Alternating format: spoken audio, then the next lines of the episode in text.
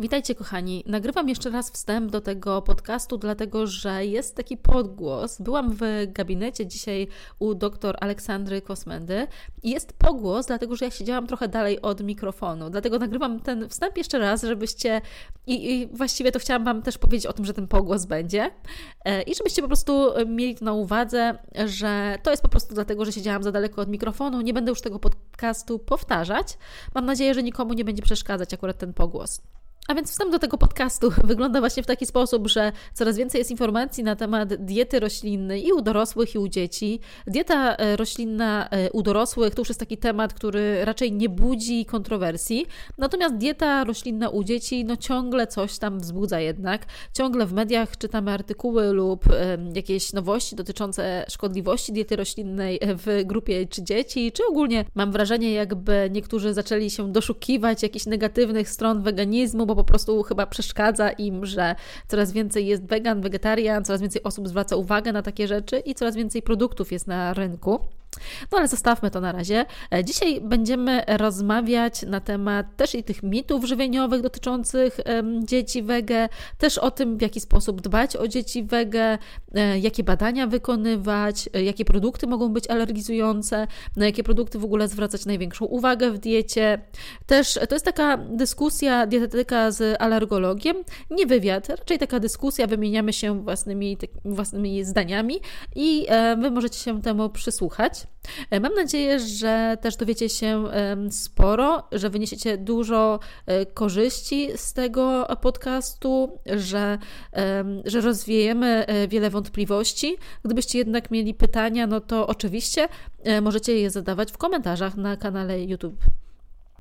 No dobrze, więc tak, zaczynam w ogóle podcast. Moim gościem dzisiaj jest e, dr Aleksandra Kosmenda, która jest pediatrą, alergologiem, ale też jest e, wegetarianką i mamą. No dobrze, powiedz e, coś o sobie. Może chciałabyś się przedstawić i powiedzieć, co robisz na co dzień jako lekarz?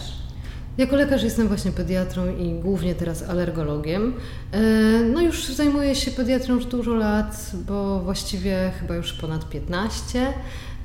I sama jestem też wegetarianką od 5 lat. Moja córka, prawie 18-letnia, też jest wegetarianką od kilku lat i ma zamiar być weganką.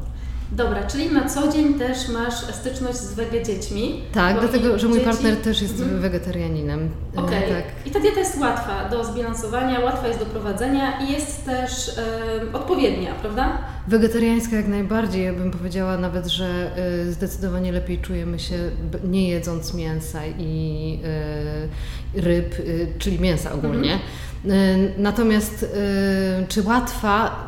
Y, wegetariańska tak, ale wegańska myślę, że już jest bardziej problematyczna. Dlatego jak moja córka mnie oświadczyła, że jest weganką, no to stwierdziłam, ok, tylko będziemy się bardziej pilnować. Bo wtedy, jeżeli chodzi o y, takie, taką pracę jak pediatra, y, to nie jest tak do końca możliwe samemu ustawić dziecko na diecie wegańskiej. Uważam, że bez współpracy dietetyka jest to y, bardzo trudne, może nawet niemożliwe. Powiedz mi, jak często w swoim gabinecie spotykasz dzieci wege, wegetariańskie? Nie tak często, od jakiegoś czasu, odkąd sama przeszłam na dietę wegetariańską, odkąd poznałam Ciebie, to częściej zdecydowanie, ale to nie jest tak, że się pojawiają e, osoby, nie wiem, kilka razy na dzień, czy po prostu bardziej to jest kilka osób w miesiącu. A czy te osoby są faktycznie tak niedożywione, jak w mediach piszą? Dzieci są zagłodzone, nie, zdecydowanie, mają niski poziom żelaza. Wręcz ogóle, przeciwnie, w ogóle mhm. mam wrażenie, że te osoby, które są właśnie, e, które w ogóle zastanawiają się nad swoją dietą, to po pierwsze nie, ma, nie mają zaburzeń masy ciała, czyli ani w jedną, ani w drugą stronę, czyli nie mają, są ani y, niedożywione, ani nie mają nadwagi, bo ja bardziej z tym teraz mam do czynienia, czyli z nadwagą i z otyłością u dzieci, która jest przerażająca, y, a właśnie dzieci y, wegańskie czy wegetariańskie nie, nie mają tych, tego typu mhm. problemów i w ogóle zastanawiają się nad swoją dietą, więc sam fakt zastanawiania się, komponowania diety to właśnie bardziej dotyczy y, osób, które w ogóle są na jakiejś diecie, a nie, że niby normalnej, ale tak naprawdę y, wcale nie znaczy zdrowej. Ja też e, akurat też tak myślę, że osoby, które są na diecie tradycyjnej, rzadziej zwracają uwagę na swój jadłospis, mhm. rzadziej krytycznie w ogóle podchodzą do swojego jadłospisu, pozwalają sobie na więcej czy słodyczy, czy jakieś tam w ogóle takich bardziej przetworzonych produktów. Osoby na diecie wegetariańskiej, przynajmniej ja też tak zauważam po, swojej, po swoich pacjentach, jak e, skuszą się na coś takiego mniej zdrowego, to mają albo wyrzuty sumienia, albo w ogóle mówią o tym, że, e, że coś takiego zjedli i chcieliby to na coś zamienić, na co mogą zamienić. I też zauważam, że rodzice wegetariańscy bardzo dbają o e, dietę swoich dzieci. Naprawdę bardzo dbają tak. i ta dieta jest zawsze kolorowa ale jak e, coś jest nie tak z tą dietą, to zazwyczaj udają się właśnie do dietetyka i e, pytają się, co można poprawić, jak można coś zmienić i bardzo naprawdę dbają o to. Przynajmniej ja tak zauważam. Nie wiem, czy Ty też to zauważasz. Tak, bardzo to zauważam. E, I w ogóle to, co powiedziałaś, że nie wiem, jak zjedzą coś i mają wyrzutu sumienia, to po prostu mają świadomość tego, że coś może być nie tak. To tak. jest też pierwszy punkt, jak gdyby, bo bardzo dużo osób, które są na diecie tradycyjnej, w ogóle nie mają świadomości, co jest dobre dla ich dzieci. A może nawet po prostu myślą, że wszyscy tak mają, wszyscy tak robią, no więc jest świetnie. A wręcz jak nie dadzą słodyczy, często jest takie coś, że y, jak mogę pozbawić dziecka tak wspaniałej rzeczy, jaką jest Przecież słodycz. tak, tak, tak. Y, I że właśnie mają wręcz y, takie poczucie, że jeżeli nie dadzą słodyczy, to ich dziecko będzie miało gorzej. A no, zupełnie jest gorsze. No tak, tak. Jak ono jedno e, w, w, grupie dzieci nie zje czegoś e, mhm. słodkiego, tak? No dobrze. E, rodzice też e, często obawiają się, ja mam bardzo dużo pacjentów dzieci, mam bardzo dużo mhm. dzieci ogólnie, i wegetariańskich, i wegańskich, i takich semi-wegetariańskich, czyli takie dzieci, które tam od czasu do czasu jedzą coś z mięsem. Mhm. I e, ci moi pacjenci, rodzice, często obawiają się o niedobory u dzieci i zastanawiają się, kiedy jest odpowiedni moment, żeby zbadać dziecko, żeby zrobić morfologię, jakie wyniki, jakie badania powinno się robić, czy te e, wyniki badań, które są u dzieci, e, jakoś różnią się od osób dorosłych? E, no to jest bardzo podobnie. Też. Mhm. Mhm. Tak normalnie w, jako pediatra, ja w ogóle zawsze robię po ukończeniu roku dzie, dzieciom morfologię z rozmazem, często poziom ferytyny, to wszystko zależy jak finansowo ktoś też może sobie na to pozwolić, mhm. dlatego że większość tych badań takich dodatkowych jest płatna, tak. czyli poziom witaminy D, ferytyna jest płatna, witamina B12 jest płatna, homocysteina jest płatna, już nie mówię o HoloTC, która jest y, jeszcze bardziej tak, płatna. Tak, jeszcze bardziej płatna. Ostatnio zrobiłam nawet właśnie swojej córce HoloTC i nie wiem dlaczego, ale zwrócili mnie pieniądze i nie zrobili tego badania. Y, I ona już musiała wyjechać, na, w ogóle wyjechać daleko na rok, więc y, to, to badanie zostało po prostu niewykonane. I mam zamiar sobie teraz to zrobić, bo robiłam wcześniej mhm. tylko właśnie te, te które mhm. mówiłam wcześniej. No, ale większość rodziców, yy, które są na diecie wegetariańskiej i wegańskiej, to w ogóle nie mają problemu z wydaniem pieniędzy, bo to też nie są jakieś góry tak. pieniędzy. To się w kilkuset złotych po prostu yy, raz na pół roku, jeżeli jest dobrze ustawiona dieta przez dietetyka, bo tak jak mówię, ja nie robię czegoś, nie prowadzę dziecka y, wegetariańskiego czy wegańskiego bez dietetyka. Ja nawet nie mam na to czasu, ja mam 15 minut ja albo też 20. Jak ktoś potrzebuje, to ja odsyłam do Ciebie Aha. Mhm. dzieci, y, pacjentów, wegetarian czy wegan, jak potrzebują też lekarza, alergologa, więc też mhm. odsyłam do Ciebie, więc też e, no, Właśnie jeżeli chodzi o... Ale, no dokładnie, lekarz. musi tak być. Ja w ogóle uważam, że my za mało współpracujemy, w, y, jeżeli chodzi o dzieci. Nawet z psychologiem, z psychiatrą tak, i tak dalej. Y, to, to jest bardzo często w ogóle na, nawet takie bardzo niefajne rzeczy, jak nie wiem, że ktoś mówi, że dietetyk się nie zna, pediatra się zna, albo odwrotnie, ze bzdurą, bo my, mhm. każdy się zna na, na czymś innym, bardziej na tym albo bardziej na tym. Jeżeli chodzi w ogóle o alergologię, to ja mam trochę problem bardziej, jeżeli y, dzieci na przykład są uczulone na coś, co y, wegetarianie powinni jeść, na przykład ciecierzyca, soczewica. O właśnie, to... o tym też będę chciała A jeszcze wrócę do tych wyników badań, bo powiem Ci, jak ja robię. Jasne. Ponieważ e, rodzice tak, po pierwsze mają mniej pieniędzy, znaczy no, nie mogą zbadać wszystkiego. Niektóre mhm. parametry są drogie, jak na przykład poziom homocysteiny. Trzeba się zastanowić, na ile to jest potrzebne u takiego małego dziecka, po co to jemu badać. E, druga sprawa jest taka, że rodzice często e, obawiają się kłucia dzieci, tak? No przecież to jest małe mm. dziecko.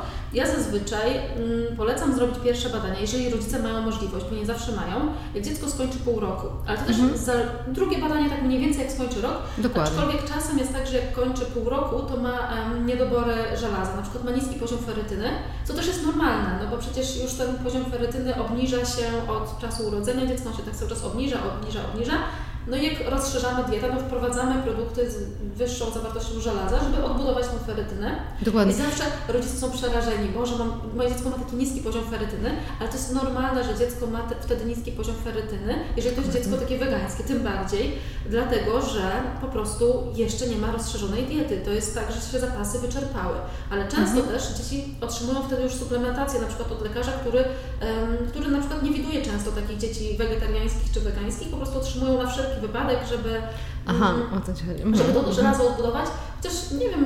To chyba moim zdaniem wtedy nie jest to potrzebne. Nie jest, bo to jest Mhm. tak, że jak jest poziom hemoglobiny dobry, cała morfologia wygląda dobrze, a Sama ferytyna, ferytyna. Załóżmy, że jest trochę poniżej normy, ten zapas żelaza, to da się to odbudować. Chyba, że dziecko nie będzie jadło, bo jak nie będzie jadło tych Właśnie. z żelazem, to bez sensu. I jeszcze jest jedna rzecz, jeżeli są Mhm. malutkie dzieci, takie nawet do pół roku, na przykład z grupy ryzyka, czyli że Tak. mama miała niedokrwistość w czasie ciąży, albo jest w ciąży bliźniaczej, albo Tak. jest wcześniakiem, to wtedy patrzymy na to zupełnie to inaczej. wtedy już jest polecana. ta Dokładnie, to suplementacja. wtedy tak. Ale y, w- innym przypadku, to, dzisiaj nawet jedna mama mi zadała pytanie, czy jeżeli mm, ona karmi piersią, to powinna suplementować żelaza. I kiedyś był taki pomysł, żeby wszystkim dzieciom, które są tylko na diecie mamy, no teraz jest bardzo duża grupa na szczęście takich dzieci, Mhm. to żeby, żeby do, do pół roku, żeby dostawały żelazo, ale to nie jest potrzebne. E, No nie, bo, bo też e, z tego co mi wiadomo, to w mleku mamy jest mało żelaza. Ale jest wchłanialność zupełnie y, o wiele większa, A, nie? wchłanialność jest większa, ale Mhm. to jest też tak, że em, jest, ponieważ jest mniej żelaza, to jest ta, to rozszerzenie diety bardzo istotne u tych Mhm, dzieci, tak, szczególnie u diet, e, dzieci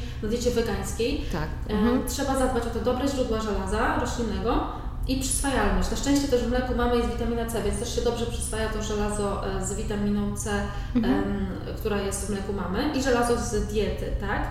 I tak jak powiedziałaś, że co pół roku, prawda, że pół, 6 miesięcy 12. I teraz pytanie, jeżeli mamy na przykład już niedobory w szóstym miesiącu życia, czyli mamy na przykład hemoglobinę niską, to ja już robię nawet za miesiąc badanie, żeby sprawdzić, jak ta hemoglobina mi po miesiącu rośnie. Tak. Y, I ona powinna mniej więcej 1 gram skoczyć w górę. No i to jest wszystko zależne indywidualnie od pacjenta. Czyli jeżeli jest wszystko pięknie, możemy sobie robić co pół roku, potem nawet może rzadziej y, u nastolatków, chociaż to też jest trudna grupa. No, później już tak jak skończy rok, to jak już ma ten poziom ferytyny w miarę dobry i morfologię, to już jest mniejsze ryzyko, że, że się obniży, chyba że to dziecko nie będzie jadło z jakiegoś powodu. No dokładnie, to prawda? samo z B12, prawda? No właśnie, to, to, to też jest tak. A dzisiaj przeczytałam w ogóle, że nie wiem, y, czy czytałaś o tym na pewno, bo to też na Ja pewno dzisiaj wiesz. chyba nic nie czytałam. Ale nie dzisiaj, tylko w ogóle, No. że B12 jest też w rokitniku Może i w tak. jakichś innych roślinach, ale no to jednak trzeba suplementować.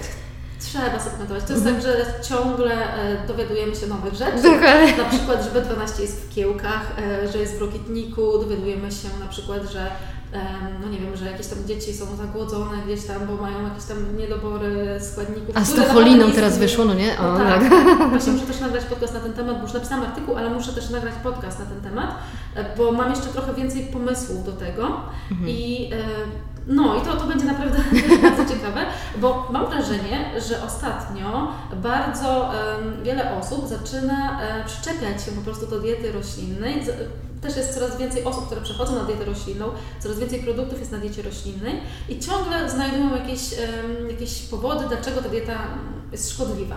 No właśnie, to może właśnie odczytam to z tej książki, którą Tak. przeniosłam, czyli z żywienia i leczenia żywieniowego dzieci i młodzieży pod redakcją Hanny Szajewskiej, gdzie jest napisane, że według ADA, to jest takie towarzystwo dietetyczne, dobrze zbilansowana dieta wegetariańska nadaje się dla osób na wszystkich etapach życia i rozwoju, w tym w okresie ciąży, laktacji, niemowlęstwa, dzieciństwa i dojrzewania.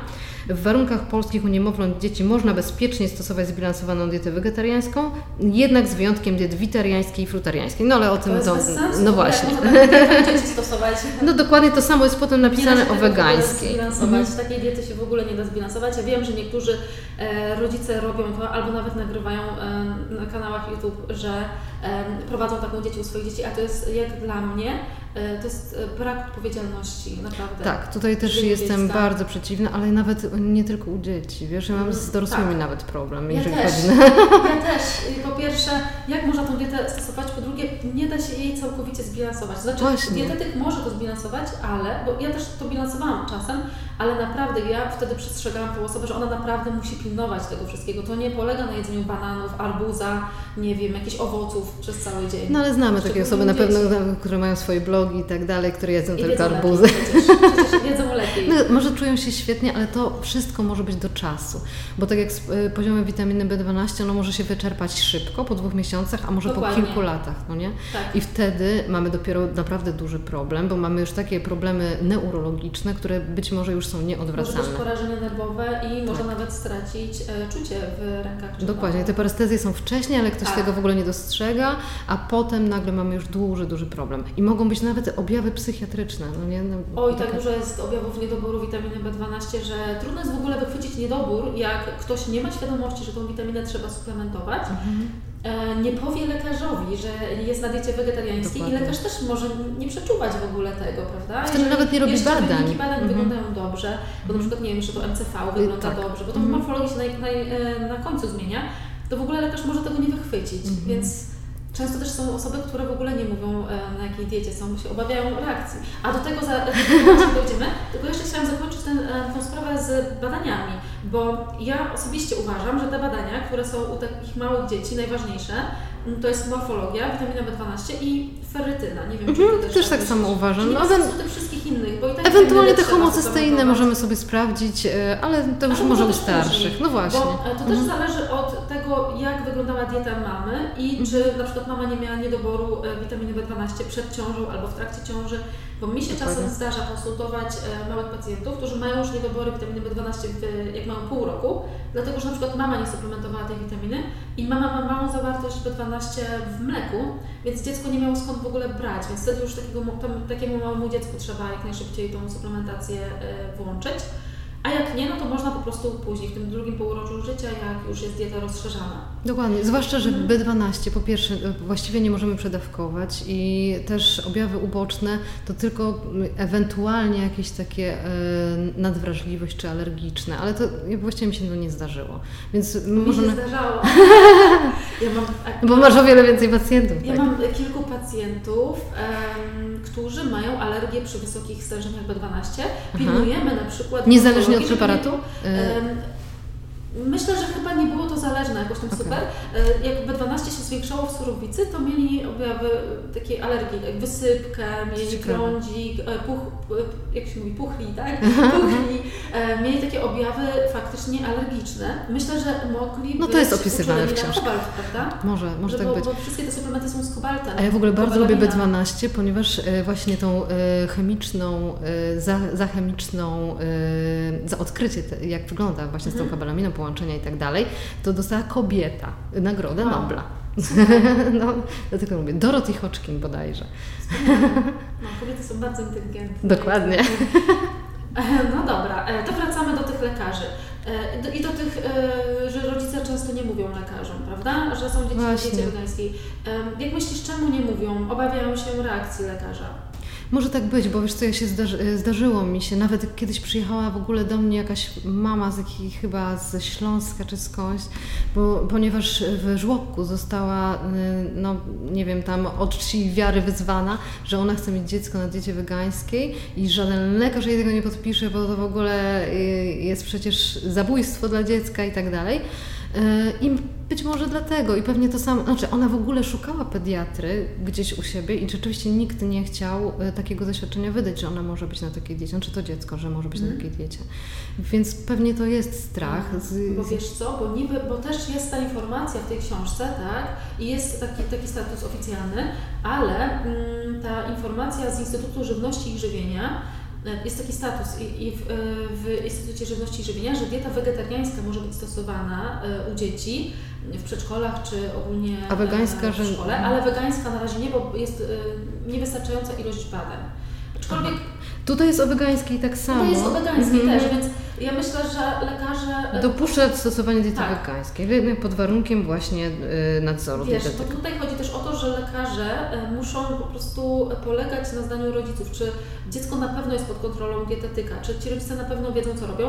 A ja też się nie dziwię lekarzom, jeżeli co Ja też. słyszymy w mediach jakieś takie Ja dziwne, wiem. chore historie. Ja na też, bo wiesz co, to jest wzięcie na siebie też odpowiedzialności za to, ale z drugiej strony, jeżeli tego nie zrobimy, to, to dziecko właśnie tym bardziej nie będzie badane, tym bardziej nie będzie miało nadzoru, nie będzie można sprawdzić masy ciała, centyli, badań właśnie, o których przed chwilą mówiłyśmy. Czyli y, lepiej jest jednak to zrobić i zaufać rodzicowi. Zresztą w ogóle leczenie musi opierać się na zaufaniu do rodzica, bo inaczej to w ogóle nie działa według Tak. mnie. No to jest po prostu podstawa. Jeżeli my sobie nawzajem nie będziemy ufać, no to możemy się po prostu pożegnać. No, Na tym polega moim zdaniem. y, I zaufanie do lekarza, zaufanie Dokładnie. do dietetyka. Bo czasem Tak. się zdarzało też mieć e, pacjentów, którzy, na przykład też małe dzieci, pacjentów, którzy, których rodzice stwierdzili, że wynik B12 jest dobry i mimo, że ja polecałam, żeby była suplementacja B12, to stwierdzili, że nie będą suplementować, no bo wynik B12 jest dobry. Aha. No i po kilku miesiącach przychodzili z niedoborem i już co robić dalej. No więc- właśnie, a wtedy niestety tak. na przykład no już trzeba domięśniowo podać albo coś, to już nie jest fajne. No to jest Więc no- bolesne. no więc, dokładnie. No, to szczególnie dla dziecka.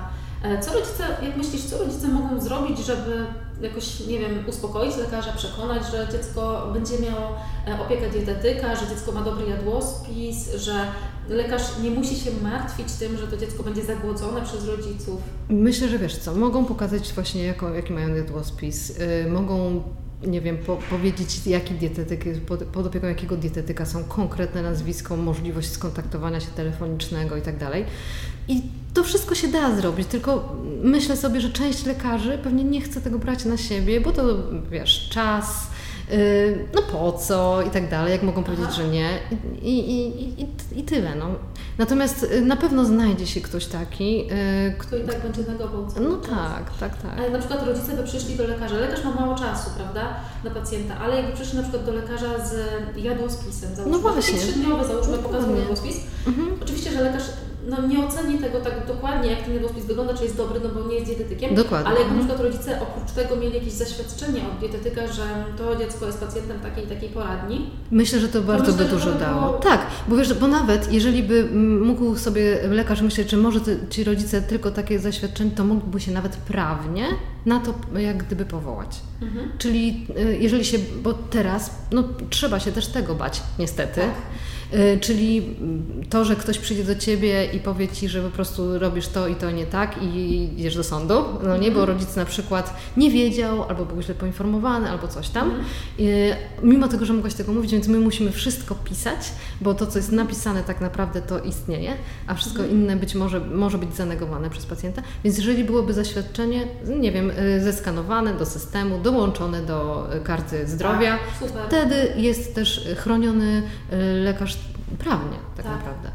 Tak, to jest, myślę, że to jest bardzo dobry pomysł. Ale to też ym, myślisz, że to lekarze pójdą na to, że się zgodzą na to, czy po prostu Myślę, że część będzie bardziej... będzie bardzo i tak pewnie zamknięta na takie Pewnie rzeczy. tak, ale to już wiesz, to już trudno jest otworzyć wszystkich. Natomiast myślę, że to y, będzie taka droga, y, dzięki którym nie będą musieli się brać, bać tego prawa też, no nie? Że, bo, Mhm. bo wtedy jakby troszeczkę się rozłoży odpowiedzialność. Okej, mhm. ma, ma to sens. Załóżmy, że jest y, na przykład ym, jakaś mama z dzieckiem, która mieszka gdzieś tam na wsi, ma jednego lekarza, nie ma Mhm. wyboru, No tak, nie to ma w gdzie ogóle jest problem. No nie? Będzie... Jak ona ma rozmawiać z tym lekarzem? Czyli czy Mhm. ona powinna powiedzieć, że to dziecko jest na diecie wegańskiej? Czy w ogóle ten lekarz na pewno będzie wiedział, co to jest dieta wegańska, tak? Tak, no myślę, że tak. Czy wiesz co, lekarze mm, obojętnie gdzie pracują, Mhm. czy pracują na wsi, czy pracują w mieście, no to oni powinni mieć y, to samo wykształcenie. Wiesz, ja tam nie, jestem daleka od takiego dzielenia lekarzy na miastowych i wsiowych. Wiesz, myślę, że bardzo często to jest odwrotnie. Że mogą się znaleźć y, nawet w wielkim mieście lekarze, którzy mają naprawdę y, zaprogramowany mózg i, i go nie zmienimy. Naprawdę tak myślę. Zresztą Czyli- pracowałam czasami z takimi pediatrami, z którymi się kompletnie nie zgadzam i którzy moim zdaniem mieli przedpotopowe po prostu... y, To dietetyków takich też znamy. no właśnie, więc to po prostu nie zależy to od miejsca, gdzie jesteśmy. No dobrze.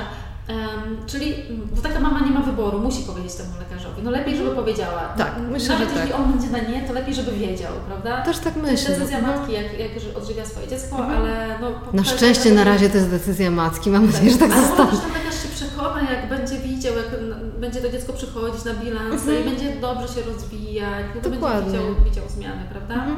A nawet jeżeli powie, a na przykład dziecko będzie jakieś miało problemy w rozwoju, to też dobrze, Mhm. bo wtedy jednak zareaguje i mama też będzie miała jakieś światełko, prawda? Takiej nawet osoby, która jest negująca tą dietę, ale będzie to jednak obiektywne bardziej niż jak ona sama na to patrzy, bo też może być troszeczkę za bardzo y, w tym jakby zatopiona w swoich poglądach, no nie? Więc dobrze jest Tak. mieć taki nawet z zewnątrz, nawet jak się z kimś nie zgadza. przeszkadzać, no nie? Tak, tak, tak, też tak myślę, też tak no. myślę. No. Zawsze się można czegoś nowego dowiedzieć, nauczyć i wymienić po prostu spostrzeżeniami. Mhm. No dobra, e, to wróćmy do odżywiania dzieci, tak? Mhm. Rozszerzamy tą dietę u małych dzieci. I Ty jako alergolog, jakie alergie w ogóle najczęściej spotykasz u takich małych dzieci, takich z produktów roślinnych? Bo rodzice obawiają się podawać na przykład orzechów, obawiają się podawać nasion strączkowych, czy takich różnych produktów, które są dobrym źródłem żelaza, są mhm. roślinne i w zasadzie można wszystkie te produkty podać dziecku w e, pierwszym roku życia. Tak, czyli wiesz co, no wiadomo, że w ogóle te trzy główne alergeny to, y, znaczy dwie, dwa pierwsze, które są u dzieci małych do trzeciego, a nawet do piątego roku życia, to nie są y, rośliny. Tak. Czyli to jest mleko i to jest jajko. Białko i żółtko. Bardziej białko, ale często żółtko też. Natomiast trzecie to jest pszenica. Czyli ewentualnie, a w ogóle gluten. Ja miałam alergię na pszenicę. No właśnie. E, teraz e, co do pszenicy, to w ogóle można mieć e, takie zastrzeżenia co do jej jakości. Jak ja widzę, że stare odmiany pszenicy często nie robią nic złego człowiekowi, a właśnie te nowe. Więc to trudno powiedzieć, tego nie jest jeszcze na razie opisane w mhm. książkach. Możemy sobie tutaj znak zapytania. Natomiast to są te trzy główne. Natomiast z roślin to soja. Zdecydowanie, mhm. bo też jeżeli ktoś jest uczony na mleko, to też jest wyższe prawdopodobieństwo. Większe. Mhm. Y, uczenia też na soję. I ja dlatego nie wprowadzam y, osobom, które mają uczenie na mleko krowie, w ogóle soi. Ja, no ja też tak, mhm. też uważam na to, bo jest faktycznie prawdopodobieństwo. Czyli jak na przykład dziecko jest uczulone, załóżmy na mleko, jest to dziecko wegetariańskie, ma specjalny preparat mleka modyfikowanego, to mhm. też nie może to być wtedy sojowe mleko, prawda? No to nie, też nie. jest wyższe ryzyko. Niby my powyżej szóstego miesiąca życia kiedyś mogliśmy wprowadzać e, mhm. prosobę, czyli takie mieszanki mhm. sojowe, a teraz się w ogóle tego nie robi. No tak na wszelki wypadek. Teraz prawda? się hydrolizaty kazeiny serwatki daje, a nie, na pewno nie tego typu mleka. Albo właśnie roślinne już po roku y, i tutaj z ryczem trzeba uważać, no, no nie, tak. no wiadomo. A soja tak samo, właśnie ja nie wprowadzam soi. Mhm. A też jest tak, że e, do drugiego roku życia najczęściej te alergie już tam gdzieś ustępują? Do drugiego większość, to jest tak mhm. z 70% badania, bo do, do piątego już zupełnie prawie 100% alergii takich pokarmowych mija. I niestety, jeżeli to jest IgE zależne, bo tam mamy różne patomechanizmy alergii, jeżeli jest IgE zależne, mogą przechodzić w alergie wziewne. No a potem krzyżówki i to te krzyżówki wziewne to mogą być właśnie owoce, niestety, czyli na przykład brzoza z jabłkiem i z morelami, brzoskwiniami, różnego typu y, owocami czy trawy na przykład z pomidorami czy pomarańczami. No nie? To... Czyli to jest tak, że jak na przykład dziecko ma wprowadzane produkty i załóżmy, że ma alergię na jabłko, to też rodzice muszą uważać na produkty, które być może będą krzyżowo reagować. Tak, właśnie bardziej to jest tak, że ma właśnie alergię na brzozę, mhm. czyli na drzewo i ma objawy w kwietniu, takiej pyłkowicy, czyli e, alergicznej nosa, zapalenie spojówek i nie może jeść jabłek, ponieważ jest coś takiego jak e, oral allergy syndrome, czyli takie zapalenie jamy ustnej alergiczne i wtedy ma, odczuwa takie pieczenie, swędzenie i, świąt właśnie w, w jamie ustnej. I to nie wynika z alergii na jabłko stricte, tylko na, na takim podobieństwie alergenów właśnie w brzozy do jabłka. I to samo jest z leszczyną z orzechami na przykład. Mhm. Ale zdarzają mi się teraz dzieci, ostatnio w ogóle kilka tygodni miałam kilka takich dzieci, które miały bardzo dużo alergii pokarmowych, w tym właśnie ciecierzyca, soczewica, no e, soja, sezam, no po prostu naprawdę straszne, orzechy wszystkie. E, no i nawet robiliśmy takie bardzo duże badanie, które się nazywa Alex, to jest super badanie, ponieważ normalnie zwykle jak robimy alergologiczne badania, robimy sobie IgE specyficzne i mhm. wtedy wiemy, że ktoś jest uczulony na przykład na mleko, na, na konkretny tak, tam owoc i tak dalej. A to wielkie badanie Alex pokazuje nam, na, jesteśmy na jaki kawałek alergenu jak gdyby mhm. Y, uczuleni. I wtedy też wiemy, czy na przykład na taki, który spowoduje wstrząs, albo na taki, z którego można wyrosnąć, albo na taki, którego możemy y, temperaturą zmienić, czyli na przykład... Może coś podgrzać. Tak, i już y, zmienia to, albo y, właśnie wtedy te krzyżówki widzimy. Mhm. No bardzo fajne badanie i dużo pokazuje, ale niestety zdarzają się takie wie, na wiele rzeczy alergie, że aż trudno ustawić dietę. Naprawdę trudno. Bo wtedy dziecko zwykle ma na mleko czyli te wszystkie y, też odzwierzęce, też wołowiny nie możemy, bo się krzyżuje z mlekiem, nie Tak. możemy żadnego owczego, koziego, nic takiego. Nawet mówię o takich osobach, które nie chcą być wegetarianami i E, weganami, one mam zostają taki- weganami. Właśnie chciałam powiedzieć, że e, czasem mi się zdarza i to naprawdę nie mało, nie mało dzieci, m, które właśnie mają alergię, e, tak dużo tych alergii, że przechodzą na dietę wegańską, dlatego że po prostu no, nie mogą jeść wielu rzeczy. Tak. Tak, więc to, to się zdarza. Zdarzało. Gorzej właśnie jak te dzieci jeszcze dodatkowo nie mogą sobie za bardzo tego białka uzupełniać i już nie wiemy za bardzo co zrobić. Naprawdę są takie dzieci. To już jest A, trudne. a jeszcze rodzice często pytają się, jak rozpoznać tą alergię pokarmową u dziecka. Mhm. Po czym poznać, że to, jest na, że to nie jest na przykład na kosmetyk, na jakiś, nie wiem, Mhm. proszek do prania. Bo alergia pokarmowa to nie zawsze jest skórna, właśnie to jest tylko jeden z objawów, czyli skóra, ale każdy układ może właściwie pokazać nam alergię pokarmową. Y, Więc w większości to jest y, albo jakieś biegunki, albo zaparcie, jakiś śluz w stolcu, czy krwiste stolce, czy krew utajona, którą trzeba dopiero Tak. zbadać, bo tego nie widać normalnie, czy właśnie zaburzenia przyrostu masy ciała, czy zaburzenia apetytu. y, aż właśnie po takie rzeczy z układu oddechowego, czyli czasami nawet u niemowląt mamy na przykład taki przewlekły katar. Y, Co się bardzo rzadko zdarza, bo to jest bardziej już u starszych, ale zdarzało mi się. Tak, że przedszkolaki ciągle z katarem. no tak, ale to one zwykle mają wirusówkę, ale no nie zawsze, więc czasami się zdarza im zrobić badanie i wychodzi mleko na przykład. Dopiero tam w drugie, dwa i pół roku życia, prawdopodobnie one miały alergię już dawno na to mleko. No, ale te, takie właśnie objawy mogą być. Yy, mogą być też reflux na przykład u niemowląt, O, tak, taki nasilony. Się. Tak, Mhm. faktycznie. Czyli właśnie się. bardziej już choroba refluksowa nawet, to też może być alergia. No dobra. A jak z tymi dziećmi z soczewicą ciecierzycą? To były dzieci wegetariańskie, które miały... Nie, nie, nie, nie, nie. To było dziecko, które. Ale i tak musiało zostać wegetarianinem prawie. No, mogło jeść jakieś tam mięso drobiowe ewentualnie, ale to było dziecko, które nie chciało tego jeść. Więc jeszcze. No, I nie, dlatego jadło humus. y, no i potem humus i okazało się, że ma uczulenie na sezam, był w jakiejś Ojej, wysokiej straszne. klasie. Ale No, było małe dziecko, jest szansa, że Małe. wyrośnie z tego. tak, tak, tak, tak. Ale ma, Okej. tak, ale jest. Bo ogólnie jest w tej nim książce, to- tam jest też taka tabelka, nie wiem czy pamiętasz, jaka jest, chyba Mhm. w tej książce, jaka jest szansa, że rodzice, że dziecko będzie miało alergię, jak A. rodzice mają. Jeżeli mamy dwóch rodziców, to jest mniej więcej tam 75%. Mhm. Jeżeli jest jeden rodzic, to tam 35-45%, to w zależności od badań.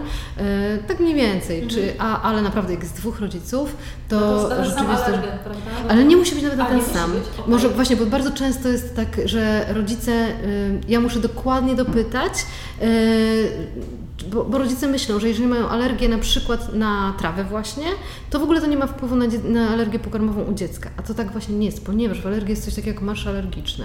I alergia pokarmowa właśnie zamienia się we wziewną. Y, I to, że tata ma wziewną teraz, on być może miał w niemowlęctwie alergię pokarmową, nawet w ogóle wiedział. nie zdiagnozowaną, Tak. dokładnie. A, a dziecko teraz ma alergię pokarmową. Czyli jeżeli widzimy też zmiany skórne, które bardzo często są też łojotokowym zapaleniem skóry, nie tylko kontaktowa alergia może być, ale łojotokowe zapalenie skóry, a nie atopowe. Mhm. Zresztą w ogóle atopowe to też nie jest zawsze alergia pokarmowa. Tak. To też wszyscy myślą, że atopowe zawsze będzie pokarmówka, a to tak nie jest. To jest złożona choroba. To jest genetyczny problem w skórze. Brak białka filigryny i nie, nie zawsze to jest y, alergia pokarmowa, choć częściej o wiele, bo około 50%, niż w łojotokowym, gdzie w ogóle nie ma to znaczenia. I wtedy to dietą się leczy? Czy nie. już, y, Łojotokowe tylko pielęgnacja odpowiednia, tam odpowiednie y, mazidła, że tak powiem. Przypomina mi się, Mhm. że mam jednego pacjenta, który właśnie też miał takie łojotokowe zapalenie skóry Mhm. i wszelkie eliminacje dietetyczne, zmiany mleka i tak dalej nie pomagały. No właśnie. I tylko te maści pomagały. No właśnie, więc wie, prawdopodobnie on nie ma żadnej alergii pokarmowej, tylko ma łojotokowej, Ale to z wyrośnie tego, prawda? no Tak, bo to tak. on ma też tak chyba miał z 17 miesięcy. Ale żeby natura nas oczywiście e, bardziej komplikuje i bardzo często jest AZS z łojotokowym. Aha, no tak zdarza się. Tak jak na przykład Hashimoto, choroba z insulinoopornością. Dokładnie. Tak. A połączmy sobie te choroby, tak będzie Dokładnie tak ciekawie. jest. Zresztą z niedoczynnością tarczycy też często idzie e, alergia, w ogóle częściej i wtedy niestety mamy problem z odczuwaniem. Mhm. Na przykład, bo jak mamy niedoczynność tarczycy, która jest y, nieuregulowana, nie możemy y, wdrażać odczulania, ale to już u starszych dzieci, bo to powyżej 5 roku życia. Dopiero możemy odczuwać. Ale jakie najczęściej te. Aha, te, ale o właśnie, mam pytanie dla, do Ciebie.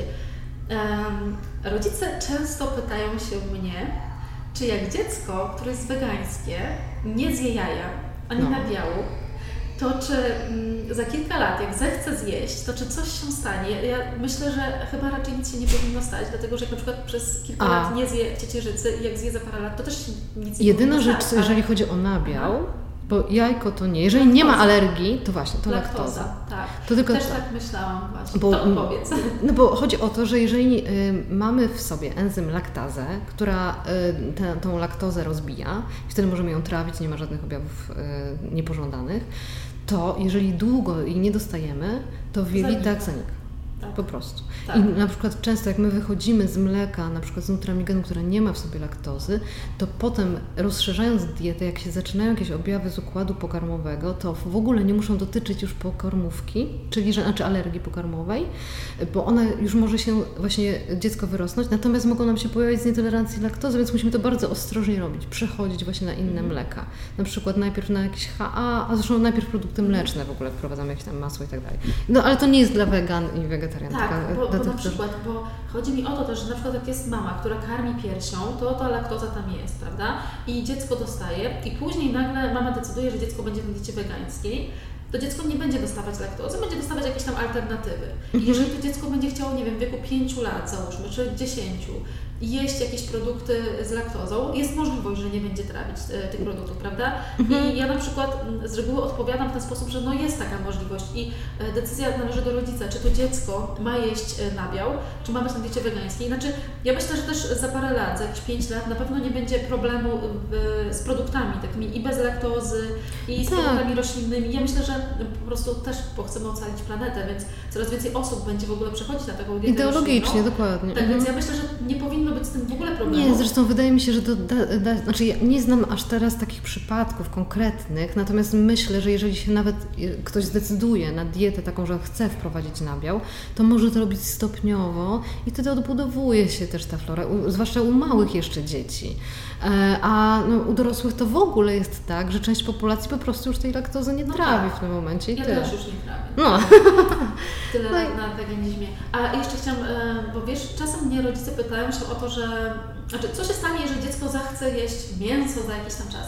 albo jaja. I ja myślę, że tutaj chyba już jest nie, prostszy tutaj problem, tak, bo to jest tak, białko tak, po prostu. To, nie. to jest białko. Jak jecie ciecierzycę, soczewicę, to też jest białko, to są tak. aminokwasy, więc nie ma problemów. Tak jakby ja w wieku dorosłym, nie wiem, spróbowałam jakiegoś tam produktu, nie jadłam tego przez całe życie i nie mam z tym produktem problemu. Nie. To też nikt tutaj nie powinien mieć e, z tym problemu. Raczej ta Nic mi nie przychodziło właśnie, tak. Nie. Mhm. A jakieś jeszcze, e, masz jakieś jeszcze pomysły na jakieś pytania, które często słyszysz od rodziców? Hmm. Takie pytania, które właśnie często słyszysz, e, rodzice pytają się, e, czy jakieś produkty w ogóle, a czy Ty w ogóle uważasz, że w pierwszym roku życia jakieś produkty no, nie powinny się znaleźć w diecie dziecka oprócz miodu, grzybów? Cukier w ogóle nie no tak, się cukier, znaleźć. Sól, tak. tak. Mhm. A takie, albo które produkty, na które produkty trzeba uważać, które są takim wysokim, tak, wysokie ryzyko alergii? Mhm. Nie, e, raczej, jeżeli wiesz co, w genach nie ma tej alergii, to raczej nie. Znaczy ja w ogóle, ja w ogóle tak. Natomiast ja co do nabiału później, to ja w ogóle mam jednak, e, jak patrzyłam sobie na piramidę żywieniową ustawioną z ilomaś tam szklankami mleka, to jestem trochę przerażona. Dlatego, że ja nie, jest, ja nie jestem weganką, a ja naprawdę nie piję mleka w ogóle. Po prostu... Yy, Szczerze mówiąc, źle to wpływa na moje zatoki. No, jest, I zaśluzowuje. No jest tak. alternatywy na biału, no bo przecież to jest też e, przyszłość, po prostu jest łatwiej.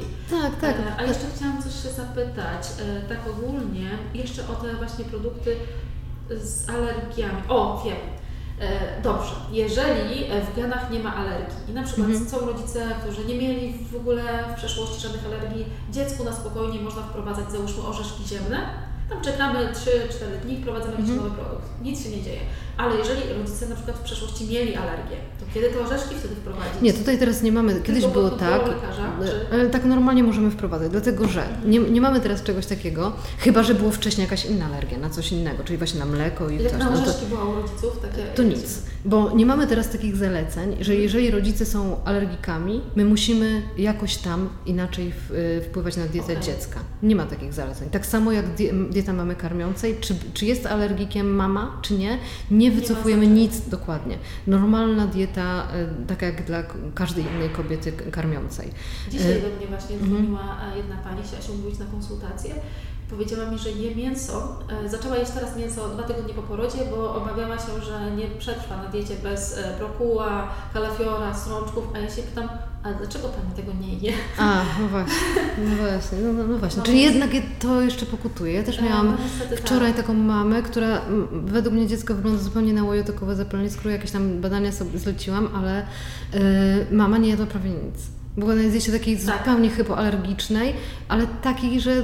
Kto jej o tym powiedział? no właśnie, nie mam pojęcia. Czy, ona... Czy teściowa, mama? Nie bardzo wiem. możliwe. Czy w szpitalu się dowiedziała? O Boże, szpitalu. Ale wiesz, co jest najgorsze, że w tym momencie ja tej mamie powiedziałam, proszę sobie zacząć wprowadzać dietę. Nie, bo ja się boję. I więc wiesz, to jest takie coś, że ona musi jeszcze, jeszcze ja ją tam Czy oczywiście... Czy przez następne 6 miesięcy załóżmy, na takiej diecie ryżance? No, no właśnie, to jest bez sensu bez dla sensu. niej też, no nie? No bo po prostu zęby polecą, jakieś tam rzeczy. E, tak, no. dokładnie, mhm. bo mamy się obawiają kolek u dziecka, ale to nie ma takiego związku z dietą, przecież to jest związane też z przewodem pokarmowym u dziecka. Z... Często z zaburzeniem napięcia mięśni właśnie, nawet. albo Czyli... często z przystawianiem dziecka, błędnym przystawianiem tak. dziecka. Jest mnóstwo innych tak, rzeczy niż sama dieta to najpierw trzeba sprawdzić, zanim weźmiemy pod uwagę dietę. To wszystko tak. inne można sprawdzić na początek, prawda? Ja się już bardzo cieszę, że teraz właśnie jest tak, że jednak już dużo osób y, na wielu blogach i tak dalej mówi o tym, że dieta mamy karmiącej ma być normalna. Tak. Że może zjeść wszystko i ma się tym nie przejmować. Oczywiście jak są objawy u dziecka, to my się zastanawiamy i wtedy coś robimy, ale po co to robić wcześniej właśnie? A naprawdę jeszcze jak ja zaczynałam jako alergolog, jeszcze jak e, byłam w trakcie, e, jeszcze jak pracowałam w szpitalu, wtedy my wycofywałyśmy u mamy, u mam po prostu, które były alergikami, różne produkty, żeby nie uczuć dziecka. Natomiast później y, już parę lat temu, y, nawet są takie badania, takie badanie LIP tak zwane, y, że właśnie w Stanach dają bardzo małe ilości orzeszków ziemnych w papki już w czwartym miesiącu życia, żeby wywołać tolerancję. Tak samo jest próby odczulania na mleko, podając różne stężenia mleka. Czyli trochę taka homeopatia alergologiczna, jak mm. dymy w cudzysłowie, ale że właśnie podajesz te dawki, żeby właśnie y, układ pokarmowy wywołał tolerancję, a nie, że właśnie nie dajesz. Bo jak nie dasz, jest większe ryzyko, że ta alergia tak. powstanie, a nie odwrotnie. Tak, tak. Mhm. Ja też jak uczyłam się na studiach, pamiętam, że jeszcze była ta dieta eliminacyjna No właśnie, no właśnie. Jak to się zmienia? To też trzeba patrzeć na medycynę bardzo zdroworozsądkowo, mhm. czyli oczywiście my musimy lekarzom swoim wierzyć i ufać, jak to już mówiłyśmy, ale z drugiej strony, jak sobie pomyślę o tym, jak też gluten był na przykład wprowadzany powyżej 10 miesiąca życia, a potem się zmieniło, że był w takim okienku między trzecim a piątym, to jak babcie wprowadzały właśnie już wcześniej skórki od chleba dzieciom sześciomiesięcznym, to miały tak naprawdę rację, no nie? Według tamtych innych tak. standardów. A teraz, no dokładnie, a teraz jest w ogóle tak, że po czwartym miesiącu mamy luz blues, tak naprawdę. Ojej, a wiesz co, jest też taki problem, że wiele rodziców, nie wiem czy, ja się, czy Ty się z tym spotykasz, ja spotykam się z tym, że wielu rodziców e, nie wprowadza w ogóle glutenu dzieciom, bo obawia się, że, że w ogóle gluten jest złem. No tak. Nie da się to, tłumaczyć bardzo często. Bo teraz też trochę pokutuje takie coś, że właśnie y, bezglutenowe, bez nabiału i że wszyscy tak muszą, że tak jest lepiej. I tak jak, y, tak jak Ci mówiłam o tej pszenicy, myślę, że to może też z tego wynikać, że ludzie rzeczywiście na takiej zwykłej, białej pszenicy, jak jedzą tego dużo, to się czują źle, mają zdjęcia, że tak, i przejdą na dietę bezglutenową no. i czują, że jest cudownie. Oczywiście. Ale to w ogóle nie chodzi... No tak, bo nie jedzą bułek białych ileś tam. Jak schudłam na diecie bezglutenowej? No właśnie, no więc właśnie to, to o to chodzi. A to nie jest żadna celiakia, nic, bo tutaj procent celiaki przez tak, jest tak, jakaś tak. tam, no nie? A co zrobić z takimi rodzicami, którzy właśnie obawiają się, znaczy ja z reguły tłumaczę, że no, z reguły udaje mi się przekonać tych rodziców, że to nie jest tak, że oni mają karmić dziecko glutenem, tymi skórkami, nie, właśnie. bułkami, mm-hmm. kaszą manną, bo kasza manna, mimo że babcie podawały, to nie ma za dużo wartości odżywczej. Ma mało żelaza, ma mało cynku, ma mało różnych składników odżywczych. A dzieci tyją prostu, na tej kaszce jeszcze Tak, ale jest po prostu takim zapychaczem, tak, powiedzmy. Tak, tak, tak. Każda inna kasza jest bardziej wartościowa. Nie wiem, może być komosa, jaglana, e, gryczana, każda inna jest bardziej wartościowa, mm-hmm. ale to nie jest tak, że całkowicie eliminujemy produkty, które są na bazie glutenu, jak orkiszowa kasza, na przykład, e, nie wiem jaka tam jeszcze będzie, jęczmienna, tak? E, mhm. Kasza manna też może być wprowadzana od czasu do czasu, żeby po prostu trochę tego glutenu było w diecie, żeby całkowicie nie eliminować tego składnika, bo dziecko chyba wtedy może mieć problem, prawda, z jelitami, jak nie będzie miało wprowadzonego glutenu w pierwszym roku, albo w ogóle nie No tak, to, na, no to tak, jeżeli nie będzie miał długo, no to pewnie tak może być. Natomiast na, ja znam osoby, które są na diecie bezglutenowej i nawet bardzo fajnie, z, y, jak gdyby zbilansowanej i, i, bez właśnie cukru i bez nabiału. Y, I to też jest, może być bardzo dobra dieta, bo, ponieważ też to są zwykle osoby, które na tą dietę zwracają uwagę i właśnie jest tam dużo tych kaszok, które wymieniłaś, prawda? Które jak Laną uwielbiam kaszę i właśnie ona jest świetna i jej się za mało je w Polsce. Ona w dodatku jest bardzo dobra w okresie jesienno-zimowym, kiedy ona działa tak przeciwzapalnie i ściągająco bardziej, że właśnie na, na te wszystkie y, przeziębienia i tak dalej jest zdecydowanie lepsza niż hektolitr mleka, mhm. prawda? E, no dobra. Wiesz co, ja myślę, że podstawowy problem też e, Ile mamy czasu jeszcze? Nie, mamy, mamy. A, ja myślę, że też e, podstawowy problem rodziców, którzy e, eliminują gluten w diecie dziecka jest taki, że zamieniają gluten na kasze kukurydziane, ryżowe, wafle ryżowe, bo to są produkty, które nie mają wartości odżywczej, tak. mają mało błonnika, nie mają za dużo żelaza, więc dziecko ma niższy poziom ferytyny i ma zaparcia wtedy też, bo o, ma mniejsze, mniejszą zawartość e, błonnika też w diecie. Więc e, to jest podstawowy błąd tutaj, że mhm. no, eliminując gluten, eliminujemy też niektóre składniki odżywcze. Tak. Nikt nie każe im podawać tego glutenu, tak jak mówiłam, bardzo dużo, ale ta niewielka ilość e, przydaje się w diecie. No dobra, jeszcze chciałam się Ciebie zapytać o probiotyki. Myślisz, że dzieci potrzebują probiotyków, takie małe dzieci, które powiedzmy, że nie są karmione na przykład mlekiem mamy, albo mm. nawet te, które są karmione Znaczy na pewno z badań nie wynika, że my powinniśmy to jako standardowo wszystkim wprowadzać probiotyk. Y, znam kraje, w których w ogóle nawet przy antybiotykoterapii probiotyki nie są wprowadzane. Myślę, że u nas nie jest złe, żeby ten probiotyk podać w odpowiednich y, momencie. Y, natomiast no, jest ileś tam badań, które mówi, że przy atopowym zapaleniu skóry, jeżeli podasz na przykład latopik, no to jest tam mhm. ileś badań jest pozytywnych, czyli że dobrze to działa mhm. i, i tak dalej. Natomiast to można próbować, ale to nie jest tak, że u wszystkich to działa w 100% i że to musimy zrobić. Ja nie mam takiego czegoś, że wszystkim daje probiotyk. Ale pomocna tutaj na pewno jest, y, są probiotyki, które są też tak naturalnie w, mleku mamy tak, i oligosacharydy, prawda? Mhm. Ja chyba czytałam kiedyś badanie, że oligosacharydy właśnie, y, cukry z mleka mamy, że też tak jakby trochę uodporniają dziecko na alergię. Mhm. Tak. Chyba, chyba, e, tak, bo właśnie, chyba to było udowodnione. No tak, bo, ale to właśnie w niektórych badaniach jest udowodnione, a w niektórych nie. To tak samo Aha, jak na przykład. Ale tak warto. E, no można i bo na pewno nie zaszkodzimy, jeżeli w małej ilości tego będziemy wprowadzać. Natomiast ja zaczęłam się y, obawiać za dużej ilości probiotyków, y, bo widzę, że może być to jakby wprowadzane za często. Jak zaczęłam czytać na temat zespołu SIBO, czyli że tych y, probiotyków w jelita, w jelicie cienkim tak. zaczyna się bardzo. I tak się zaczęłam zastanawiać, czy to nie może być wpływ taki, że my teraz bardzo dużo tych probiotyków wprowadzamy? Jest. Bardzo, tak, wiele rodziców też e, cały czas podaje dzieciom probiotyki. Ja wiem, że są e, niektóre choroby, gdzie dzieci muszą mieć probiotyki i wtedy po prostu to jest na zalecenie e, tak. gastroenterologa. Jasne, no, leśniowski krąg czy coś to jest co innego. Tak, mhm. nie muszą przyjmować probiotyków. E, przynajmniej nie muszą cały czas, chyba że po jakiejś mhm. chorobie, na przykład po antybiotykoterapii, tak? ale nie muszą cały czas. I rodzice podają im cały czas, a tam są te szczepy właśnie tlenowe, które mogą się namnażać w jelicie cienkim. Właśnie, tak? I właśnie, właśnie, to też może tak jakby trochę taki naturalny system obronny dzieci też tutaj chyba tak upośledza, prawda? No Że po prostu dzieci cały czas są tak jakby naładowane tymi probiotykami z zewnątrz. A już jeszcze inna rzecz, to jaka jest jakość probiotyków w Polsce? No tak. Jak przeczytamy, nie wiem, jakieś e, papiery ministerstwa, które sprawdzało to, to naprawdę nie wygląda dobrze. Więc e, ja zanim wprowadzę jakiś probiotyk, to naprawdę się e, muszę mocno zastanowić, czy to jest to, co tam jest napisane, jest rzeczywiście w środku. Więc nawet z tego tak. powodu. A to się tyczy też różnych innych suplementów, bo tak. czasem zdarza mm. mieć um, pacjentów, którzy przyjmują bardzo dużo suplementów, ale to naprawdę takich rzeczy, które w ogóle ja bym nie pomyślała, że to można sprowadzić i suplementować. I dlaczego? Dlaczego oni to robią? Nie mam pojęcia. Lubią. Dlaczego na przykład ktoś y, suplementuje sproszkowany jarmuż? Przecież może zjeść A, jarmuż.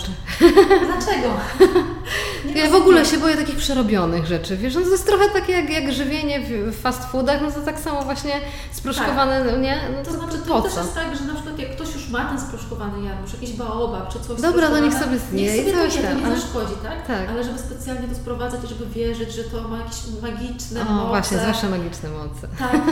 nie wiem, e, magiczne moce, połączmy to z tym jeszcze z kurkumą, z pieprzem i z jakimiś tam różnymi innymi rzeczami i mamy po prostu taki koktajl odżywczy, a e, nie zwracamy uwagi na to, jak ta dieta normalnie w ciągu dnia wygląda. I na przykład ta dieta bardzo często jest źle zbilansowana, opiera się na jakichś waflach ryżowych, na jakichś takich mniej zdrowych produktach, ale jest ten odżywczy koktajl witaminowy na wszelki wypadek, żeby...